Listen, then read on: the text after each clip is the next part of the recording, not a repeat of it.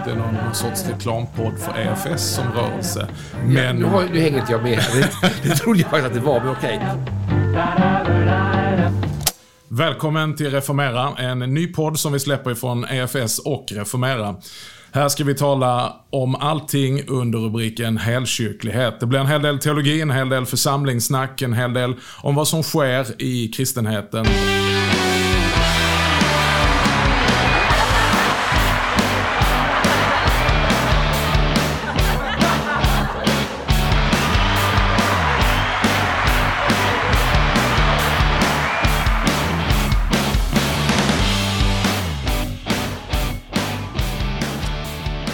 Välkommen till avsnitt 100 av Reformera-podden.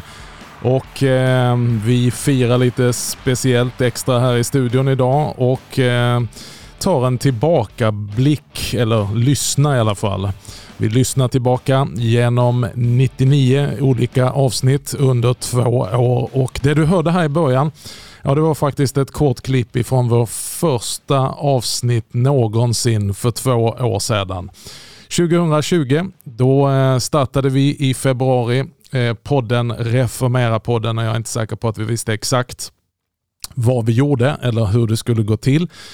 Men nu sitter vi här 100 avsnitt senare och eh, ett stort tack till er lyssnare som har varit med Eh, somliga av er har ju varit med eh, hela vägen från första avsnittet. En del har vi hört ifrån nu, speciellt inför det här avsnittet. Och eh, själv eh, har jag haft förmånen att gå igenom alla avsnittet. Mycket med hjälp av er som har skickat in och sagt att ja men det här avsnittet det var en favorit eller det här avsnittet eh, skapade lite olika typer av frågor.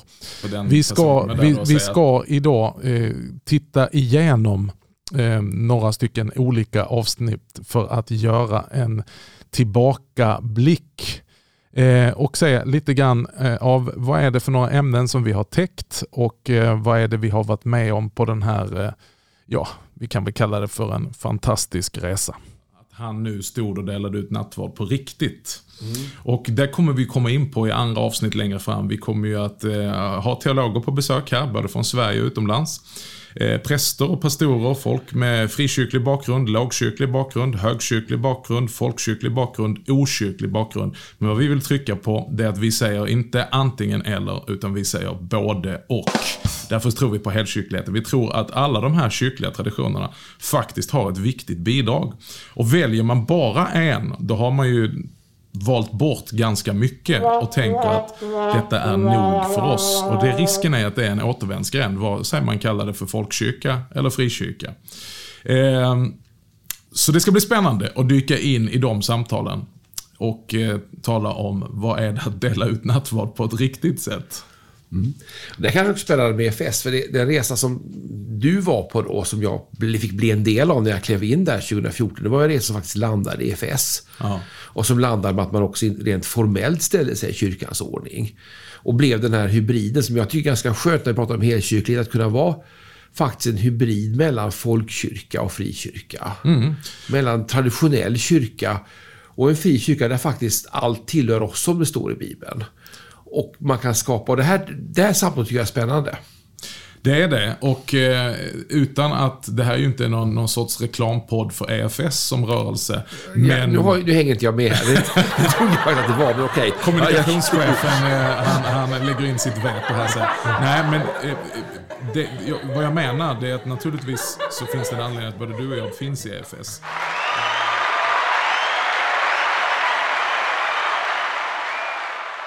Ja, här gratulerar vi oss själva. Det var alltså lite eh, klipp ifrån eh, första avsnittet där jag och Johan Eriksson satte oss ner för att för något, på något sätt förklara inriktningen på den här podden. Vad den skulle handla om, eh, varför vi gjorde den och varför vi eh, började ta det här samtalet som hade pågått under många år ut i offentligheten.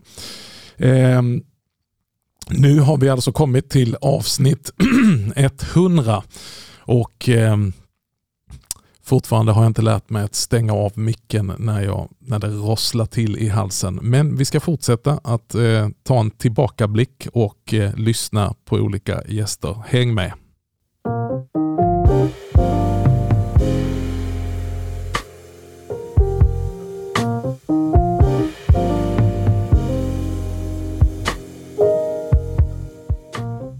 Ja, du lyssnar alltså på avsnitt nummer 100 och vi har en liten jubileumsspecialare här. Där vi eh, tittar tillbaka på Reformera-podden och eh, de åren som eh, gått, de två åren som gått när vi har kört den här podden och det har alltså blivit 100 avsnitt.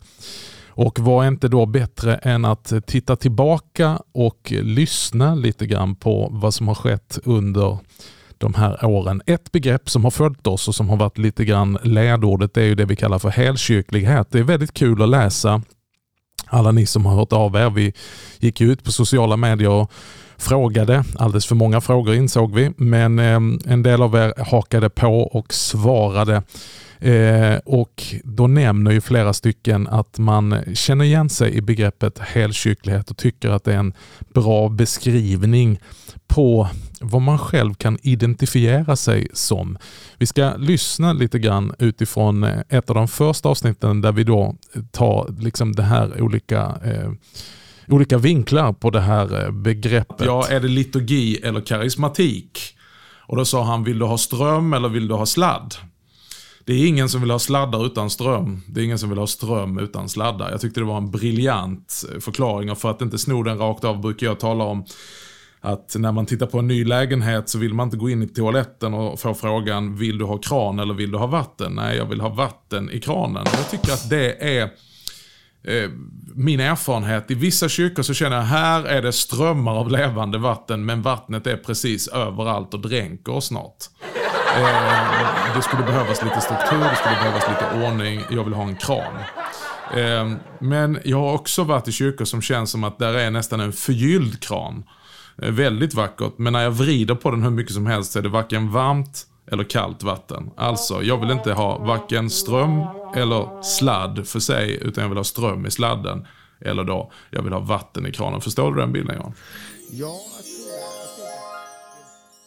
Ja, ett litet eh, smakprov av hur det kunde låta när vi försökte med alla möjliga bilder och eh, liknelser att beskriva det här med helkyrklighet. Men helkyrklighet är ju den bärande tanken och ärendet bakom Reformera-podden. Alltså att kyrkan ska reformeras, det vill säga att återupptäcka, återvända, återupprätta fullheten av Kristi kyrka sanna, sanna väsen.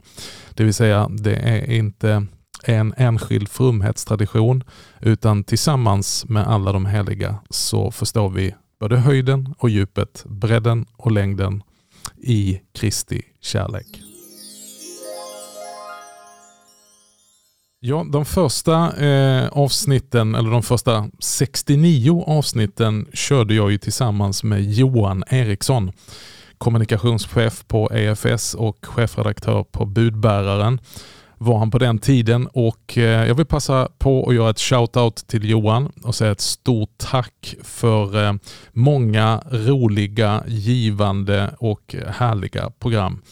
Ehm, tillsammans så startade vi Reformera-podden och nu sedan avsnitt 70 så är jag utlämnad till mig själv på gott och ont. Men vi hade väldigt mycket roliga, eh, vad ska vi kalla det för, både samtal men också tillbud eh, när man lyssnar igenom både det som kom med i programmen, faktum är att de mesta sakerna släppte vi med i programmen eh, och andra, andra saker som vi kanske inte ville få med släppte teknikerna med.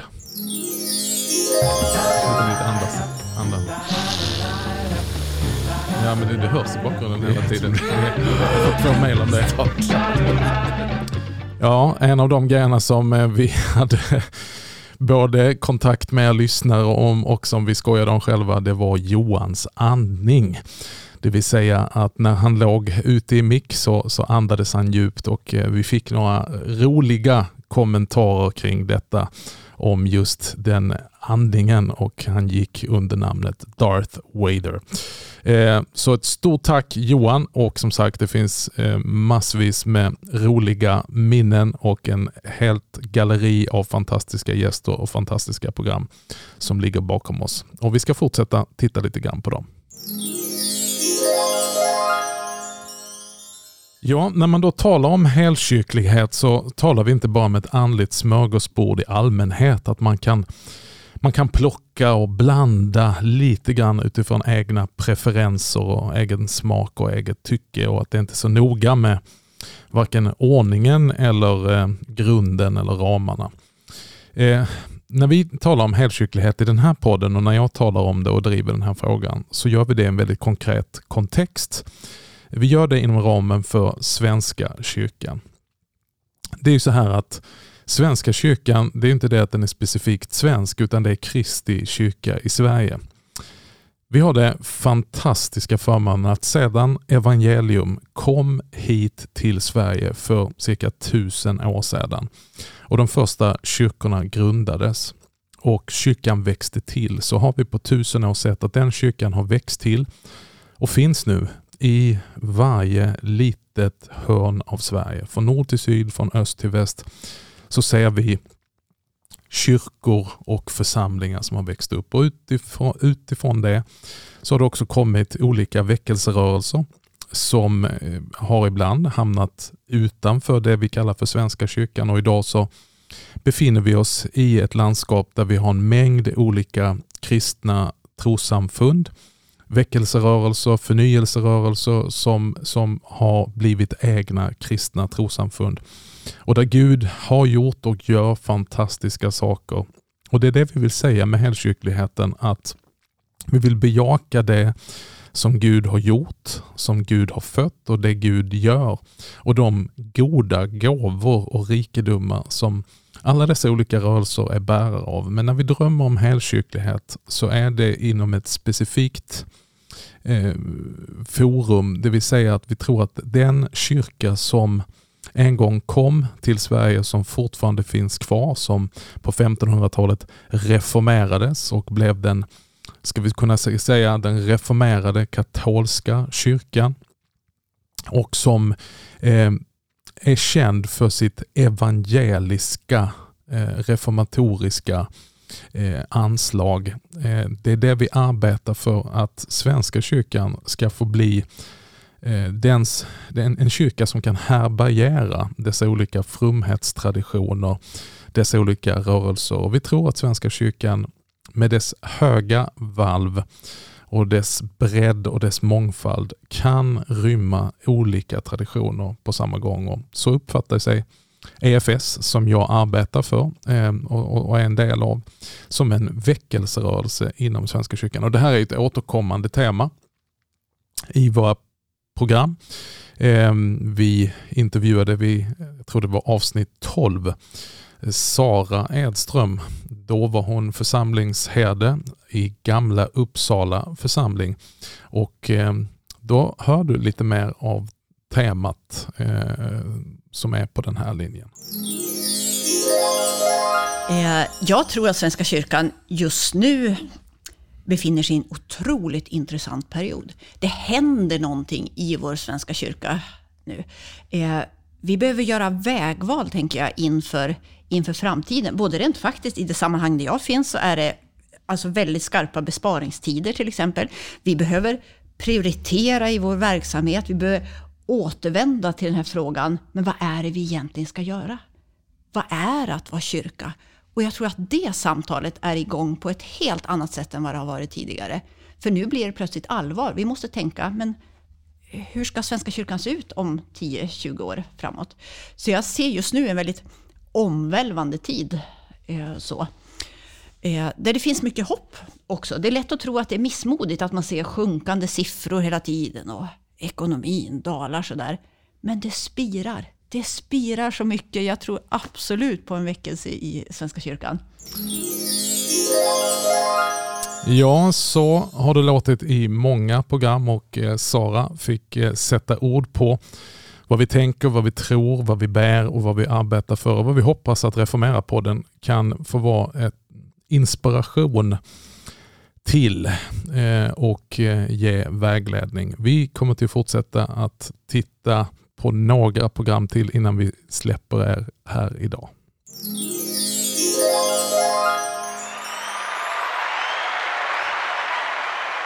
Ja, det finns ju otroligt mycket material, 100 avsnitt att plocka av och eh, det som är intressant att eh, fråga sig och frågan som vi ställde också via våra sociala medier, det var ju vilka avsnitt som människor eh, har som sina favoriter. Vi kan ju också titta lite grann på statistiken i den mån eh, vi har statistik att tillgå så, så ser vi ju vilka program som har varit de mest nedladdade och mest lyssnade inte helt 100% i tillförlitlig statistik. Men utifrån det vi kan eh, avläsna, avläsa så är en av de absolut mest lyssnade programmen avsnitt 30 då vi eh, samtalade med Joel Halldorf.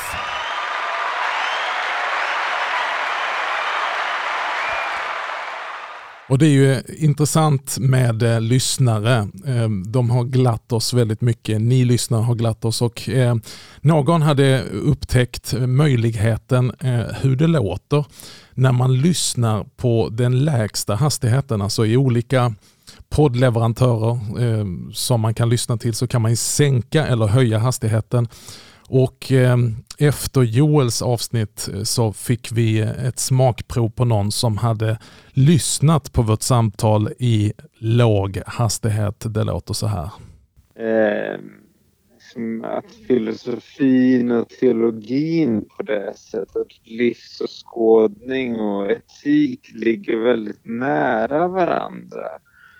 Eh, och därför har det varit väldigt Eh, väldigt roligt att så pass många ändå har velat gå in i de samtalen. Sen märker jag också att det finns en del som inte vill göra det, som reagerar väldigt starkt på att man lyfter de här typen av frågorna och reagerar kanske med misstänksamhet eller liksom mm. ifrågasätter motiv och så. Men, mm. men det, har varit, det, det har varit roligt.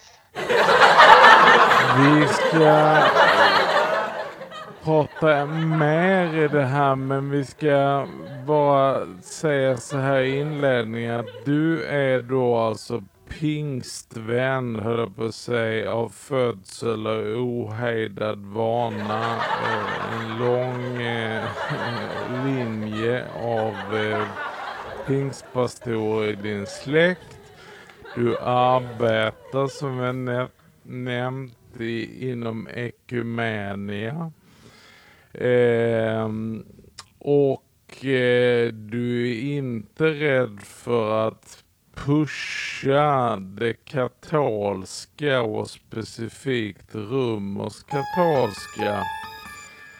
Och sen har du en partner in crime, Patrik Hagman, som du har en podd med som är verksam i den, e- e- e- inom den evangelisk-lutherska kyrkan i Finland. Kan man kalla dig för helkyrklig?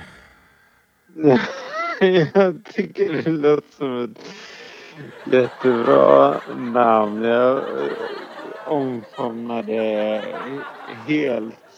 Men jag tror liksom om man ska vara lite sådär allvarlig kring det här. Det, det har ju en väldigt brokig kyrklig identitet som du säger som är liksom, eh, den är inte clean och ren. Ja, så kan det låta om man lyssnar på programmen eh, på en lägre hastighet. Det är intressant. Bakgrunden till det kanske eh, folk blir uttråkade av våra program. Eller? Eh, nej, skämt åsido. Jag tyckte det var otroligt roligt och eh, det låter ju eh, inte kanske som en poddinspelning utan eh, snarare som en, en liten, eh, ett avslaget samtal någonstans på nattkröken. Men eh, innehållet i avsnitt 30 har blivit mycket uppskattat och Joel har varit en återkommande gäst här i podden. Vi eh, fortsätter och kolla på vad vi har mer i skafferiet av gamla program. Ja, kära lyssnare, som ni hör, det är en blandning av högt och lågt. Men eh, vi försöker göra alltså en tillbakablick och se på olika gäster och olika teman som vi har hunnit med på de här hundra avsnitten med Reformera-podden. Ett av de avsnitten som eh, man kanske på av många anledningar rankar som ett av de dyrbaraste dokumenten som Reformera-podden har fått vara med och göra. Det är med Karl-Erik Salberg. Karl-Erik tillhör kanske en av de mest kända prästerna i Sveriges eh, moderna historia. Det han fick stå i spetsen för i Sankta Clara kyrka under 25 år. I oktober 2021, alltså förra året, förra hösten, så fick jag möjligheten att sitta ner med Karl-Erik och spela in två hela avsnitt i oktober. Och den 17 november, alltså bara drygt en månad senare efter vi hade sänt de här två programmen, så blev Karl-Erik befordrad till härligheten. Karl-Erik har lämnat enorma spår efter sig i sin gärning och eh, lite av det fick vi lyssna till i de två avsnitten, avsnitt 73 och avsnitt 74. Där han delade nio kännetecken på kyrkor som växer. Och Det känns fantastiskt fint att vi fick möjlighet att spela in det eh, innan eh, Karl-Erik lämnade den här platsen. Men Karl-Erik han talar fortfarande Trots att han har gått vidare in i härligheten så talar hans verk, den gärning som han började i Sankta Clara, den talar fortfarande till oss och vi ska få lyssna lite grann här. Nu, nu när vi tittar tillbaka då Karl-Erik, och du är tillbaka här varje år och du ser att det fortsätter efter dina 25 år här. Det har gått ifrån en nästan tom kyrka på, på ett sätt Stockholms bästa läge. Mitt emellan T-central och plenisal. Exakt. Mitt emellan, allt finns runt omkring här. Och ja. nu fylls den här kyrkan ja. när det är högmässa. Ja, jag får nypa mig i skinnet ibland när jag sitter när jag ser det här. Och när jag sitter vid Kilimanjaro. Jag är så tacksam att jag, jag lilla jag, fick vara med om eh, miraklet Sankta Clara. Att mm. se en tom kyrka som var stängningshotad. En biskop sa, gör det till badhus, sådana mm. här kyrkor som står tomma. Eh, och så ser den vara full av människor. Hög som låg, vit som färgad. Ja. Alla sorter. Ung som gammal. Hade ett under. Och jag brukar hälsa då också att kunde det hända mig så kan det hända andra.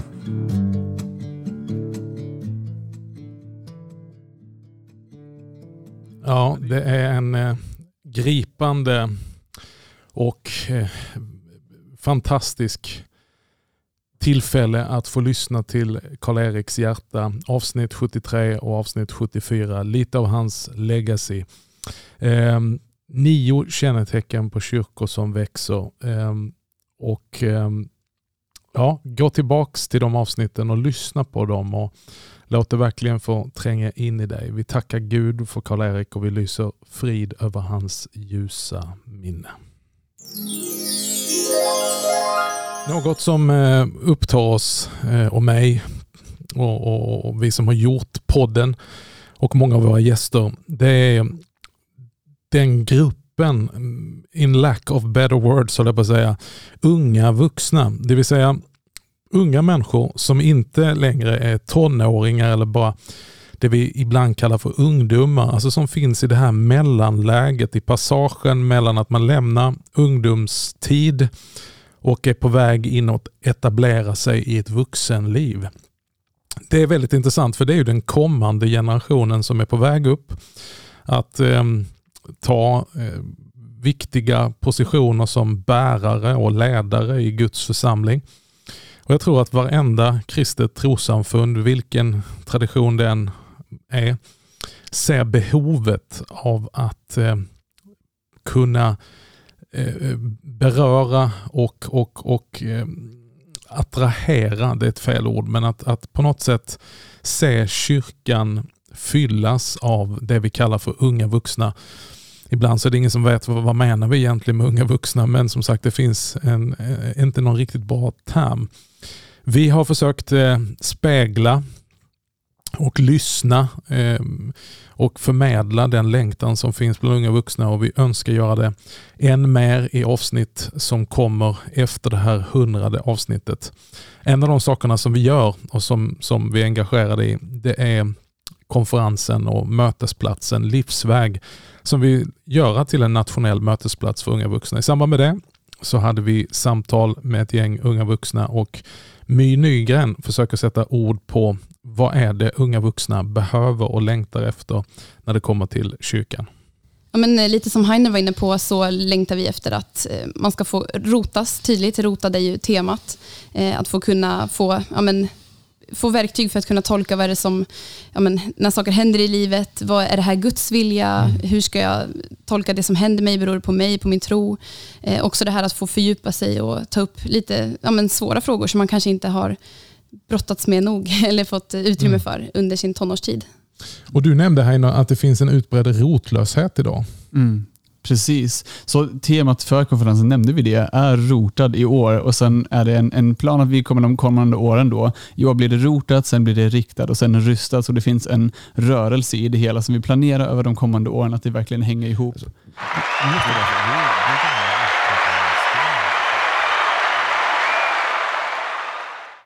Ja, det var ett litet klipp ifrån ett avsnitt som vi ägnade åt unga vuxna och kyrkan och vi hoppas kunna följa upp det under framtiden. Häng på vidare. Under de åren som har gått här med Reformera-podden så har jag också samtidigt arbetat som samverkanssekreterare och inspiratör i EFS, en inomkyrklig väckelse och missionsrörelse. Och EFS är utgivare av den här podden. Och det är klart att eh, podden har också präglats av dessa frågeställningar. EFS roll inom Svenska kyrkan och EFS som bidrag till helkyrklighet och mångfald. Och därför har det varit en glädje att vi också har kunnat ha flera stycken biskopar som gäster i Reformera-podden och lyssna till eh, hur de ser på och hur kyrkan kan ta tillvara på det bidraget som EFS är i kyrkan. Vi börjar med att lyssna till biskop Fredrik Modéus, Växjö stift. Han var gäst under första året i avsnitt 35. Jag tänker att EFS har mycket, och det är inget jag säger nu för att flörta lite grann, utan en del av er vet att jag sagt i andra sammanhang, Absolut. att eh, EFS har mycket av det som Svenska kyrkan frågar efter just nu. Mm.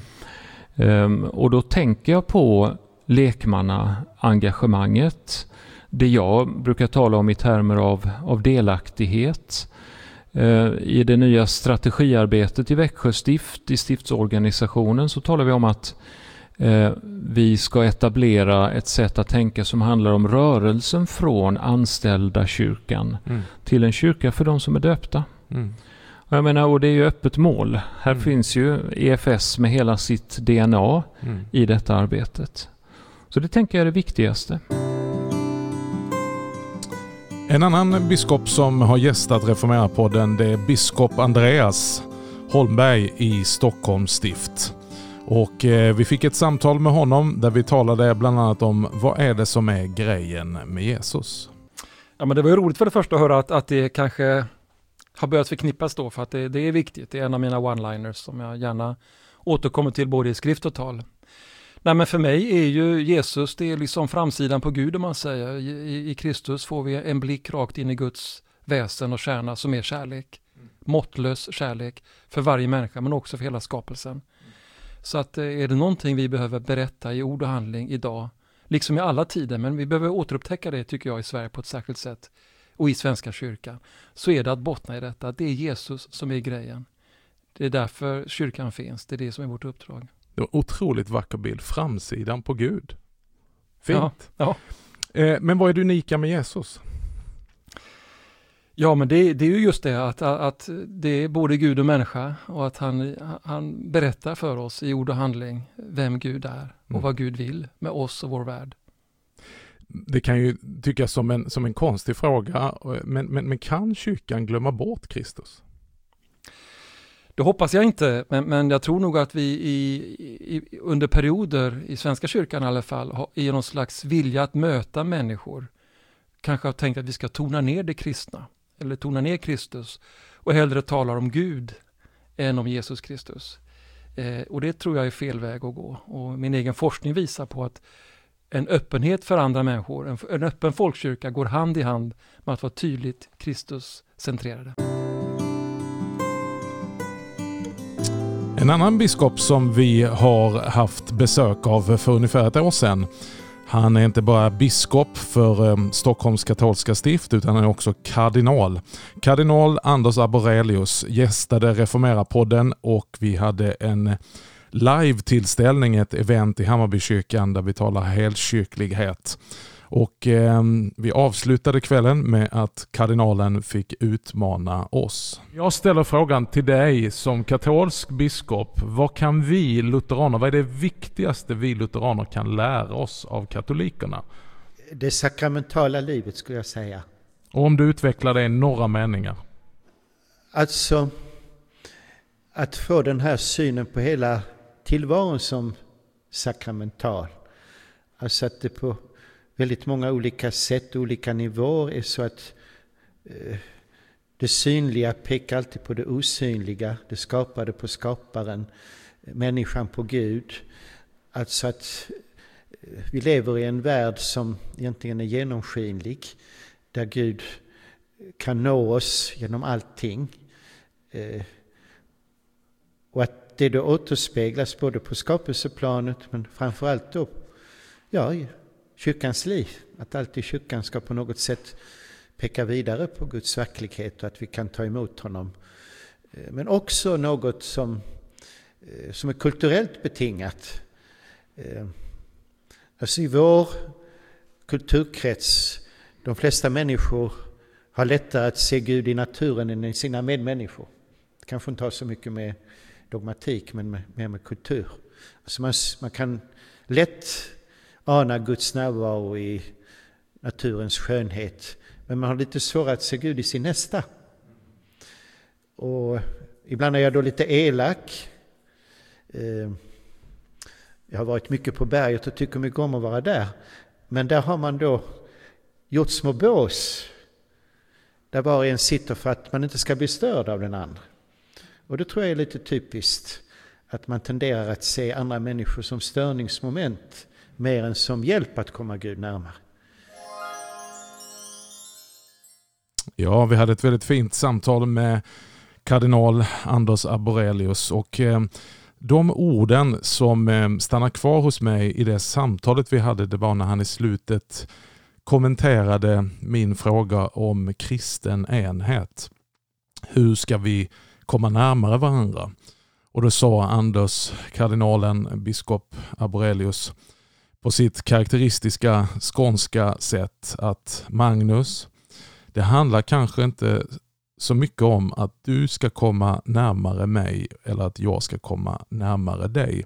Utan om vi alla är upptagna att komma närmare och närmare Jesus så möts vi alla i Kristus.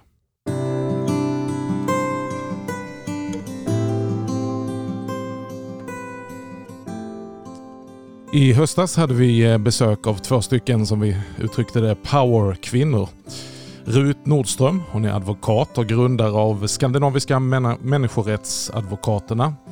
Och eh, hon arbetar tillsammans väldigt mycket med Elise Lindqvist. Elise Lindqvist är 85 år och hon kallas för Ängeln på Malmskillnadsgatan. under drygt 25 år så har hon varit ett ljus i de mörkaste kvarteren i Stockholm och finns varje fredagkväll på Malmskillnadsgatan. SVT har gjort en dokumentär om hennes livsöde och eh, hon har fått sommarprata i P1 och suttit som gäst hos Skavlan.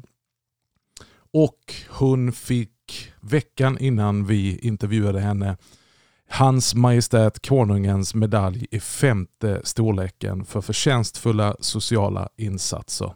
Vi fick möjlighet i höstas att prata med Rut och Elise och vi ska lyssna till det. Det, för jag är så säker idag som kristen, så är jag säker på att Gud, när jag föddes, då skulle jag ut på Malmskillnadsgatan. Mm. Fast det förstod jag ju inte då när jag föddes, mm. såklart. Va?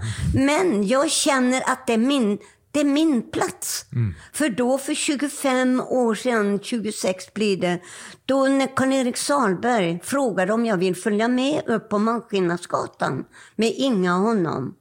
Och jag sa ja. Mm. Och då, då visste jag ju inte, för då hade, jag har ju inte bott i Stockholm och jag berättar aldrig var jag kommer ifrån. För jag har också blivit hotad och levt skyddat. Mm. Men då säger Karl-Erik de orden och jag följer med upp. Och här när jag kommer upp på Malmskillnadsgatan med Inga och Karl-Erik, då ser jag mina flickor. Då ser jag flickorna exakt hur de gjorde med kroppen. För det hade jag fått lära mig av min bordellmamma när hon sålde mig. Mm. Hur jag skulle hålla händerna ut efter kroppen, hur jag skulle bjuda ut mig. Mm. Så jag blev proffs som 16-åring. Mm. Så var jag ett proffs. Mm. Så när jag då kommer upp på gatan, då kände jag igen mig. Och då säger jag till Karl-Erik Salberg, som var präst i Klara då. Då säger jag, Karl-Erik, det här är min arbetsplats. Mm.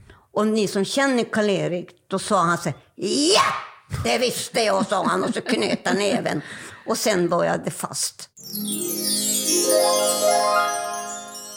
En annan gäst som har blivit en återkommande bisittare i Reformera-podden det är min kära vän och kollega Hans Weissbrott. Hans är präst och inspiratör i oasrörelsen och det är väldigt många som eh, uppskattar hans förkunnelse och vi uppskattar också hans medverkan som eh, är här i Reformera-podden sedan i höstas på regelbunden basis. Så där var femte vecka så dyker Hans upp och vi samtalar tillsammans om den tiden i kyrkoåret, den fir firningsämne som vi är i just då. Och vi ska lyssna lite grann utifrån ett av våra första avsnitt.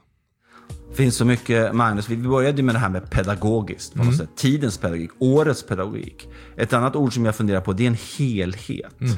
Att, att en enorm styrka med kyrkoåret är att jag tror vi alla har en tendens liksom att ha våra favoriter. Mm. Våra favorittexter, våra Exakt. favoritteman. Och det är inte fel.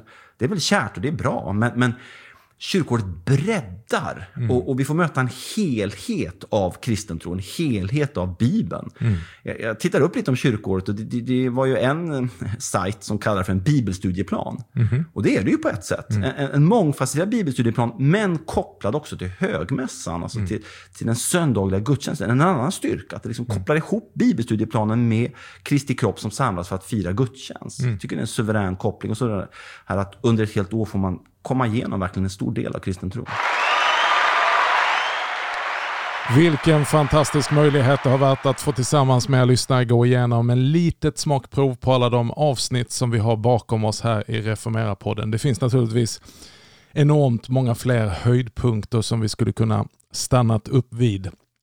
Men det här var ett litet smakprov på allt det som vi har bakom oss.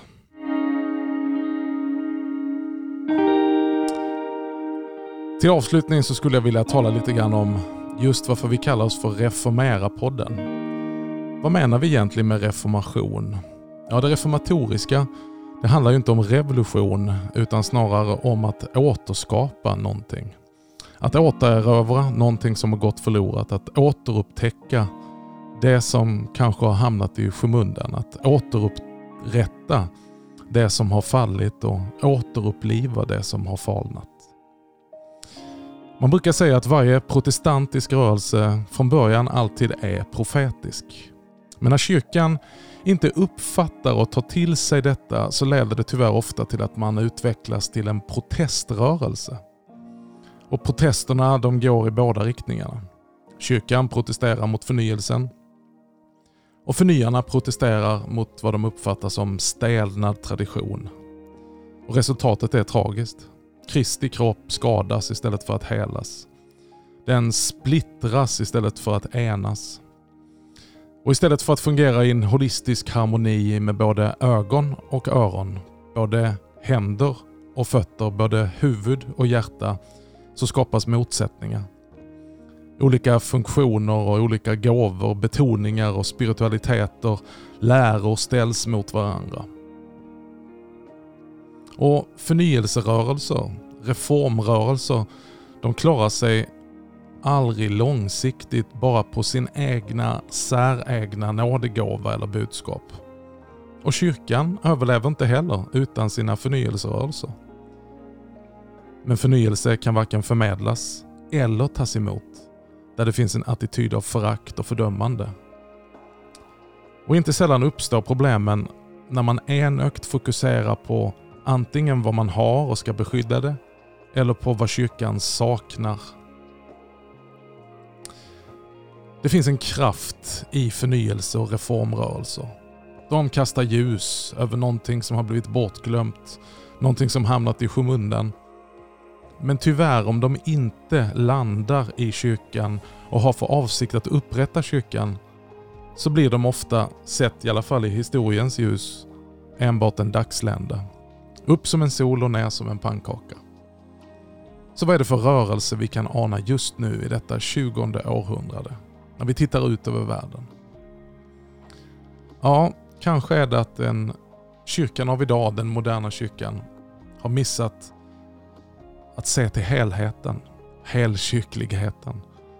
Att man har eh, enögt fokuserat på bara olika delar istället för att bejaka mångfalden. Tron kan inte bara fångas med logiska förklaringar eller komprimeras i slagkraftiga one-liners. Utan tron behöver erfaras, men utan att reduceras till enbart stämningar och känslor och upplevelser. Tron behöver omfamna hela livet, hela människan, ja, hela världen och hela tillvaron. En kyrka som är världstillvänd utan att bli världslig. Samtidigt som den är djupt andlig utan att bli fanatisk eller sekterisk. En kyrka som kan förena bokstav och ande. Där ordet blir kött och får en kropp i både hållning och handling. En kulturellt anpassad kyrka förbiser ofta detta och missar målet när den bara levererar snitsig religiös underhållning eller marknadsför en sorts allmän livsåskådning. Och kyrkans tillväxtstrategi har de senaste decennierna i allt för hög grad präglats av en tro på det senaste, det modernaste och det uppdaterade. Men vad har det lett till? Ja, den här progressiva och pragmatiska modellen av kyrka som syftar att alltid göra kyrkan mer lättillgänglig genom att avlägsna allt som skaver allt som skapar motstånd, allt som är tradition, allt som uppfattas som stelt och föråldrat och gammalt. Det har nästan fått motsatt effekt. Medan många kyrkor verkar tro att speciellt unga människor söker efter en kyrka med ett lite hippare eller fräschare uttryck, så visar det sig istället att de mer och mer söker efter former som verkar pålitliga, historiskt förankrade och som framförallt erbjudit radikalt annorlunda alternativen till allt annat som samtiden saluför till dem. Inte minst i kyrkan så har ungdomar för länge sedan insett att kyrkan är bra mycket äldre än deras ungdomspastor. Och tröttheten av att leva i en fragmenterad och postmodern tillvaro så har de snarare dratt sig till det premoderna. Alltså efter något universellt något som är tidlöst, någonting som är bestående. Alltså inte det nya och det senaste. När allt skakar och förändras så blir tillvaron mer osäker och individen mer sårbar och utlämnad åt sig själv. Och då söker sig många instinktivt till auktoriteter, institutioner och sanningar som visar sig hållbara över tid. Där vill man söka att finna ett fäste för sin tro och bäras av det som burit kyrkan genom 2000 år. Hennes bekännelser, hennes böner, hennes ritualer, hennes ordningar. Och att finna ett större sammanhang, ett kollektiv där jag som individ kan få blanda bland alla de, landa bland alla de heliga som har gått före och vars tro och bekännelse jag får lov att stämma in i. Deras samlade vittnesbörd och deras upptrampade stigar, det är rikedomar som kyrkan förvaltar. Därför måste kyrkan vårda sig om sina skatter och förvalta det som är hennes sanna väsen, det som är hennes grund, det som är hennes helhet. Istället för att ge sig hän i den flyktighet och ensidighet som alltför ofta präglar tillfälliga väckelser och förnyelser. Och förstå mig nu rätt utifrån ett helkyrkligt perspektiv. Kyrkan behöver verkligen nu och då väckas och ruskas om, men inte för att bli någonting annat än det hon redan är. Hon behöver väckas och ruskas om för att bli sig själv.